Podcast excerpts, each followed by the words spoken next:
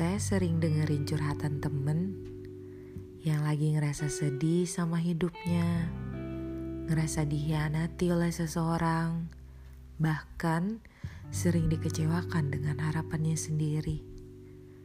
Saya pun sering merasakan itu juga, tidak hanya sekali, namun berkali-kali.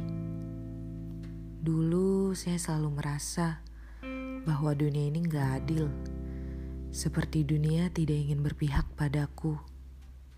Hanya kekosongan yang aku dapatkan. Dunia seperti apakah ini? Semuanya kosong, hampa, dan sepi. Pertanyaan yang sering terlintas di benakku adalah, Sepi, apakah kamu temanku atau musuhku? Sedikit demi sedikit saya mulai berdamai dengan diri sendiri mencoba untuk berpikir luas, berusaha untuk memahami dunia, bahwa nggak selamanya dunia seperti itu. Dunia memiliki caranya sendiri untuk membuat kita menjadi bahagia.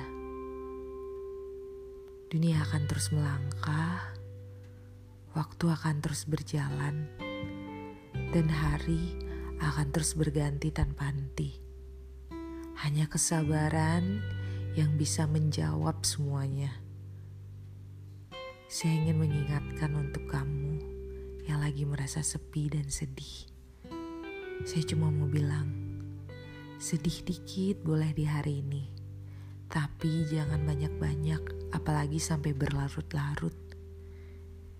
Yang bikin sedih cukup dijadikan pengingat aja seharusnya bahwa kamu bisa melewati ini semua.